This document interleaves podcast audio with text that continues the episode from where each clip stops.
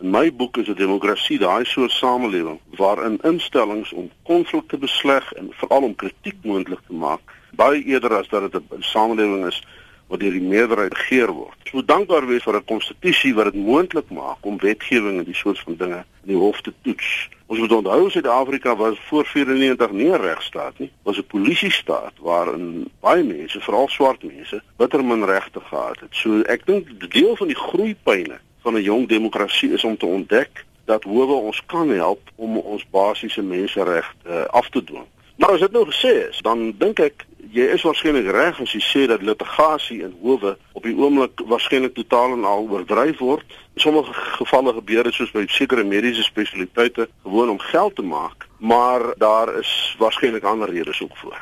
Hoe behoort dit te wees? Die vernaamste rede hoekom ons op die oomblik so baie hofsaake sien, is die persepsies van volgehoue korrupsie en die diep wantroue in die vermoë van die owerheid. Om sy werk behoorlik te doen en om mense in staatsorganisasies aan te stel wat behoorlik toegerus is vir hulle werk wat dienste lewer wat ek dink tot voordeel van die breër samelewing is, né? Die grootste rede tot kommer is die al hoe groter wordende vermoede dat die regering, president in die besonder, die staat en sy strukture gebruik as 'n instrument vir selfverryking en bevoordeling. Kyk, as daai persepsie eers wyd posgevat het soos tans, wel dan word die owerhede eenvoudig nie langer geglo nie en werk omtrent alles wat hulle doen agterdog en suspisie. En dit is van wonder dat mense in hulle in so 'n situasie in na die hof wend As jy my vra wat moet mense doen om dit te verander? Wel, die eerste dit belangrike ding is is in die eerste plek dat daar mense aangestel moet word in hierdie kernkomitees of rade soos die van die SAIK en so meer wat bevoeg is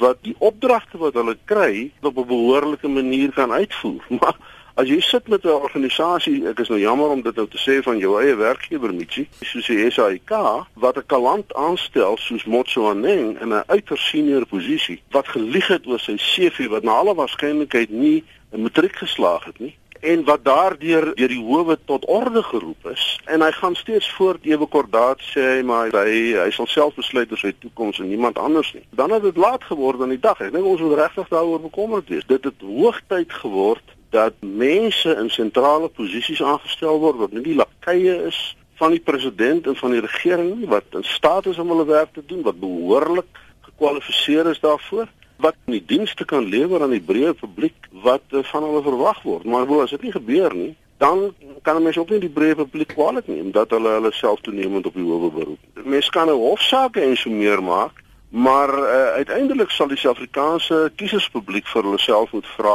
of hulle langer kans sien vir 'n regering wat op hierdie manier baseer. Elke 5 jaar kom daar 'n dag van verantwoorde rondom 'n verkiesing. Ek dink ons het dit nou al reeds gesien met die munisipale verkiesings en dit kan baie maklik in 2019 gebeur dat die breë Suid-Afrikaanse bevolking hom finaal gaan uitspreek oor die bevoegdheid van hierdie regering om die land te lei.